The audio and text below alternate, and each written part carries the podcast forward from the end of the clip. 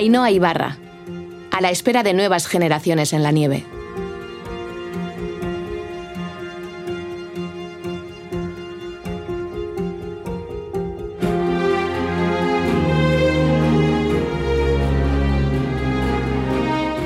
Dicen que durante años muchos habitantes de Guernica temían mirar al cielo. Dicen que son consecuencias del día en el que el cielo y la tierra se unieron.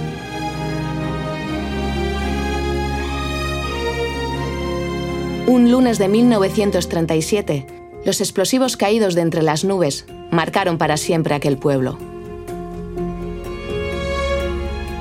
Pero aunque los relojes se rompieron, el tiempo no dejó de correr. Y tres décadas después, nació en Guernica una mujer que viviría mirando al cielo. Porque a veces, desde el cielo, caen regalos. Era el invierno de 1968 y el pueblo se vistió de nieve. Aquel día, los copos de nieve pesaron más que la metralla.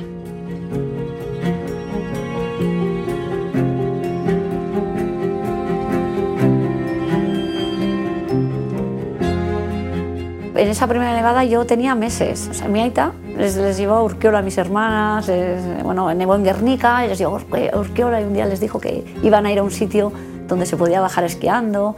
Y bueno, pues fue una pasada. Yo sí que tengo el recuerdo de alguna otra nevada en Guernica, no, no en esa primera, pero bueno, pues no, se iba, eh, no se iba a clase, un caos total, pero bueno, yo como cría pues lo vivía pasándolo pipa, con la nieve, sin ir a cole, estaba como feliz, muy feliz.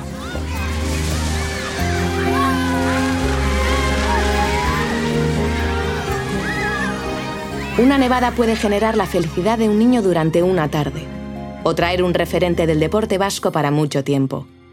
Es lo que ocurrió con Ainhoa Ibarra Astelarra, desde una nevada en su ciudad natal hasta los Juegos Olímpicos.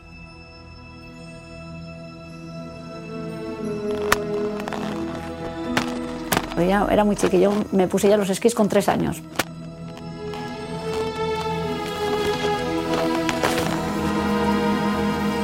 Las investigaciones dicen que cuando tenemos tres años desarrollamos la capacidad de hacer dos cosas a la vez y empezamos a ser más independientes. Será verdad, especialmente si tienes dos tablas en los pies.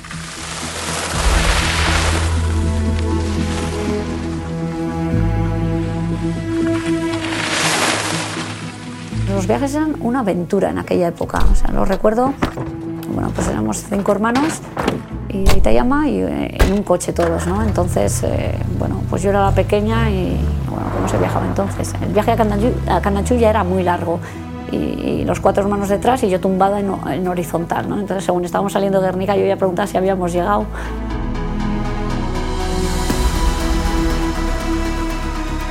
Pero muy felices, yo recuerdo los momentos de esquí, pues para mí también son familia, ¿no? Nosotros hemos hecho todo mucho, muy, juntos, ¿no? Ir a esquiar o ir a Laga, eh, bueno, pues una familia muy unida y momentos pues entrañables. De Guernica a Candanchú hay 293 kilómetros. Un camino demasiado largo para la pequeña Ainhoa. Lo que ella no sabía es que aquella distancia se quedaría corta al atravesar el mundo de campeonato en campeonato estaba esquiando y vi un día que había una carrera, no sé si era una carrera social, y dije, pues yo también quiero aquello, ¿no? Y me, hacía ilusión. Y entonces pues nos pusieron en un club y, empezamos a esquiar, a, entrenar, mis hermanos también, lo que pasa es que ellos pues, pues eran más mayores. Yo pues lo cogí un poquito antes y la verdad es que fue ponerme en mi primera carrera, pues ganarla y enseguida pues, pues amor a primera vista y, y se me daba bien, me gustaba y, me metí en el ajo muy pronto, la verdad.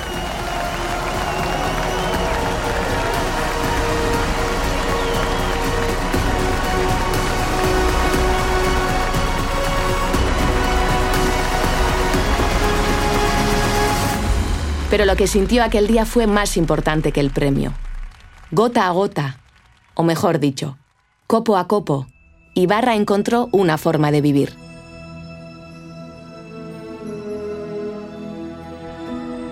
Aquí vine interna con, sin cumplir nueve años, a punto de cumplir nueve años. Y mis aitas, mi aita, la persona más cariñosa del mundo, un dolor. ¿Para qué vas a ir ahí? Yo tengo el corazón roto. Bueno, pues votación. Todos los hermanos, mis hermanos votando para si yo venía o no venía. O sea, mi, mi familia en ese sentido ha sido una familia libre en ese sentido, que, yo he podido. Y, cada hijo, dentro de lo que cabe, dentro de, de la época en la que hemos vivido, hemos podido elegir nuestro camino.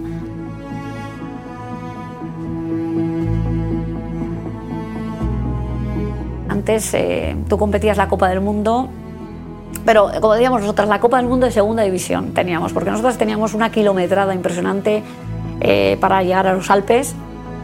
Era, bueno, al principio yo ya te digo, desde Bilbao a Barcelona en autobús, después furgoneta, ya llegabas a...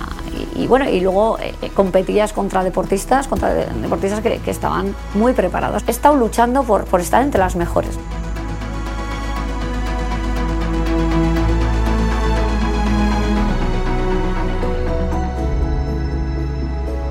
Lo cierto es que lo difícil, es lo que no se ve y que, cada, detrás de cada deportista yo creo que hay una historia, yo creo que sí he roto moldes, ¿no? Eh, viendo las imágenes de pequeña digo, ¿cómo, ¿cómo acabé aquí en la nieve, no? Una persona de playa, de, fuera, totalmente de un mundo de nieve, pues puedes hacerse un camino ahí.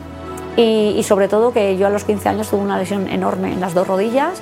En esa época fue muy complicado operar, curar y bueno, pues estuve muy limitada por las lesiones, ¿no? Entonces el, el, el, tener estas rodillas complicadas y, y estas lesiones, ¿no? Que, que, marcaron un poco mi, mi carrera y, superarlas, ¿no? Y superarlas porque al final pues tienes una parte débil pero fortaleces otra, ¿no? Y bueno, fortalecí mi carácter, fortalecí mi, mi, mi, mi mentalidad porque son muchos años y con lesiones, sin lesiones, con mucho trabajo y mucho esfuerzo, pues al final he conseguido pues estar allí. Logros hay muchos, ¿no? Pero, pero bueno, quizás el, pues los Juegos Olímpicos, ¿no? Ir a unos, estar seleccionado en unos Juegos Olímpicos es una pasada, ¿no? Eh, pues estuve en cuatro, eh, es un gran premio porque es complicado llegar.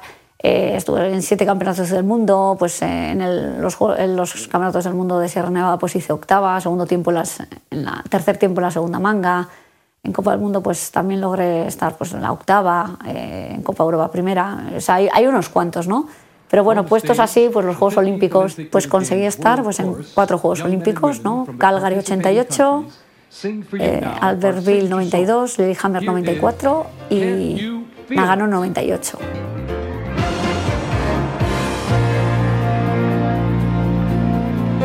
Now the moment we waited for is coming esto que escuchan es la canción que David Foster compuso para la ceremonia inaugural de los Juegos Olímpicos de Calgary 88. Fue la primera participación olímpica para Ainhoa Ibarra.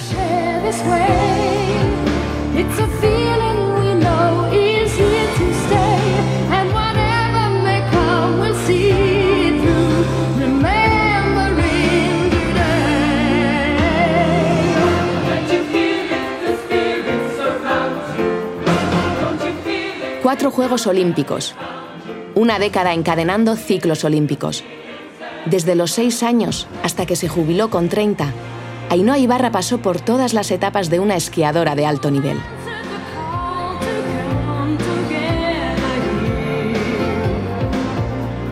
Calgary fueron mis primeros Juegos Olímpicos. Pues fue, yo, yo aluciné porque venías del mundo del de, esquí alpino y en unos Juegos Olímpicos, en una villa olímpica, te encuentras eh, con todos los deportistas de invierno y entonces tienes el contacto directo con ellos, eh, disfrutas un montón de todos los deportes. De, bueno, eh, la, la, experiencia de la Villa Olímpica a mí me impactó muchísimo y en Calgary fue una pasada, fue brutal. O sea, yo tengo un recuerdo de Calgary, quizás porque fueron mis primeros también, pero muy, muy impresionante de, de lo que son unos Juegos Olímpicos. Y luego pues en, en Calgary fue abanderada, en, en Lillehammer fui abanderada, fue bonito pues porque te eligen para, o sea, te eligen porque, bueno, porque en ese momento pues eres la capitana o eres, bueno, te toca y, y ya está, ¿no? Y bueno, estuvo, estuvo bien. And you vow that you'll do your best, and we know you will. We're not here just to cheer for fame, but for honor and truth, that's why we came.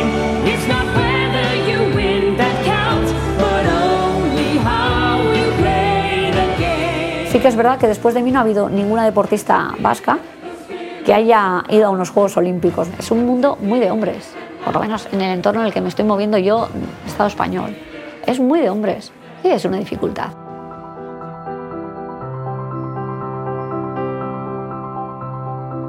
Aitor Alberdi es técnico deportivo del centro Basque Team. Analiza para nosotras las cifras del deporte de élite. El número de fichas federativas apunta a un desajuste en el número de mujeres que llegan al más alto nivel. E, lizentzi kopuru azterketa ba orokor bat inda, e, argi ikusten da emakume eta gizonezko arte nolabaiteko berdintasuna daola kopuru hori uneko berrogeta marrea gerturatzen dielako. Hala ere, e, goimaiako kirolai e, emakume egiten dion ekarpena e, genero ikuspuntutik euneko eta maosto eta masiekoa izango zen orduan.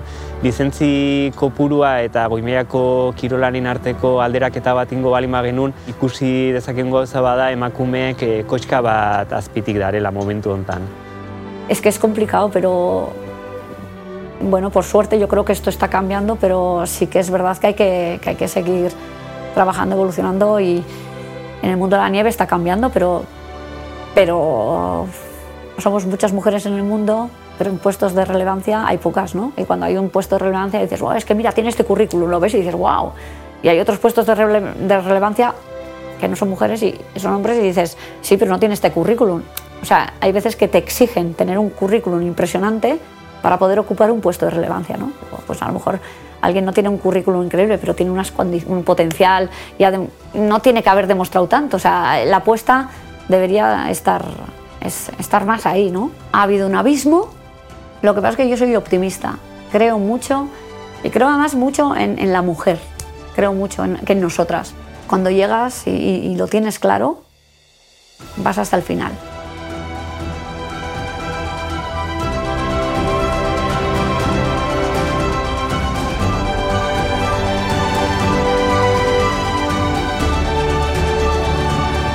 Las mujeres están, estamos ahí, superando prejuicios, poniendo en jaque el statu quo y demostrando nuestra fuerza, para que nuestros nombres también aparezcan en los libros.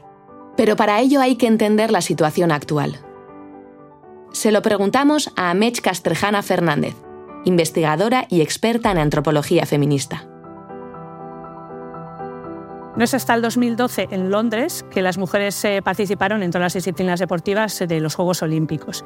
Pero incluso hubo que esperar a Río de Janeiro para que la participación real de mujeres en los Juegos Olímpicos llegara al 45%. Y ya en Tokio ha estado en torno a los 48-49% así la paridad. Sin embargo, con estos resultados, tanto los de Río de Janeiro como los de Tokio, no podemos pensar que, hemos llegado a la igualdad en el, deporte, ¿no? porque sabemos que existe eh, la brecha de género también en, esta, en este ámbito, eh, relativo a los sueldos, a la, repercusión del deporte. Digamos que el deporte sigue siendo un espacio que se rige por lógicas androcéntricas, por actitudes sexistas, que hacen que esta brecha todavía no haya disminuido tanto como en otros ámbitos. Confianza, hay que tener confianza. El resultado no viene cuando uno quiere, viene cuando cuando quiere él, pero hay que buscarlo siempre y nunca desfallecer, siempre seguir, seguir. Yo es lo que les digo a los deportistas que llevo.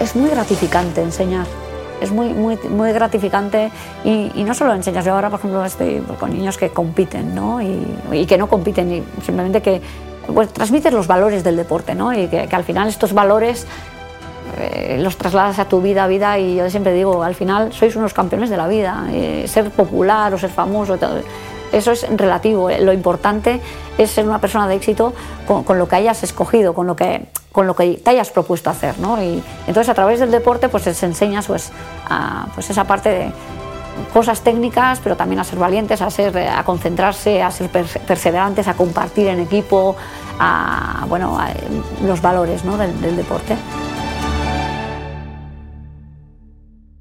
Pocas cosas habrá tan efímeras como un copo de nieve. Si lo consigues cazar, desaparece en unos segundos de entre los dedos. Pero las medallas no. Las medallas son para siempre. Quizá por eso, los campeonatos son importantes para los deportistas. Dalda Barayazarra es la responsable del plan estratégico de la Federación Vasca de Deportes de Invierno. Barayazarra tiene claro cuál es el objetivo.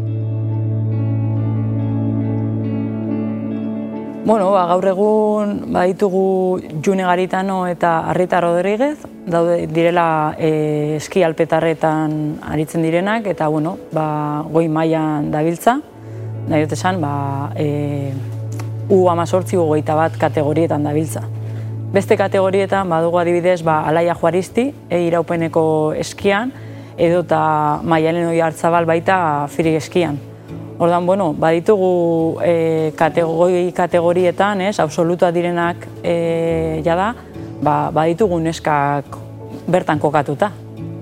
Joko olimpikoak e, elburu edo erronka lodi bat dira gaur egun, ez? Hori baino lehenago baditugu beste erronka ez dut sumeak esango, ze lodiak dira baita, baina bueno, e, pizkat e, epe labur ertain baten e, ikusi genezakenak. Eta adibidez, ba, bueno, ba, maialen hori hartza baldugu, e, goi maiara oso gertu izan den kirolari bat izan da, eta bueno, ba, lesio batetik e, bueltan da.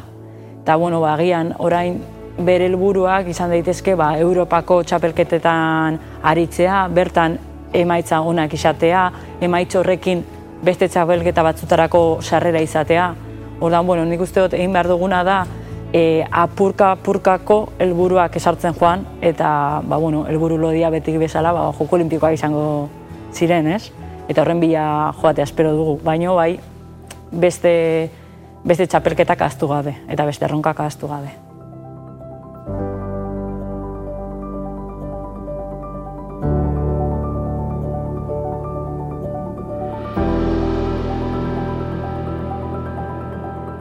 Hombres. A veces también he vendido un poco de, no, porque mira, se está trabajando esto, se está... O sea, no vendo mi idea. Digo, si, digo que yo pienso de tal, no va a entrar. ¿Cómo haces? Yo lo que quiero que es que llegue mi idea o que se haga esto para poder trabajar mejor. Me interesa eso. Pues lo vendo de otra manera. ¿Ves? Están trabajando bien, los franceses están haciendo esto, tal. Ya está. ¿Por qué entra mejor? ¿Es machista este mundo? Yo creo que sí. Yo creo que sí. Y estoy convencida que si se apuesta y se da las oportunidades de verdad y se trabaja de verdad, tenemos mujeres, mujeres que dan la talla y, que van a superar por mucho mis cuatro Juegos Olímpicos. Y lo digo de verdad, y además porque es ley de vida, tiene que ser así y deseo que sea así.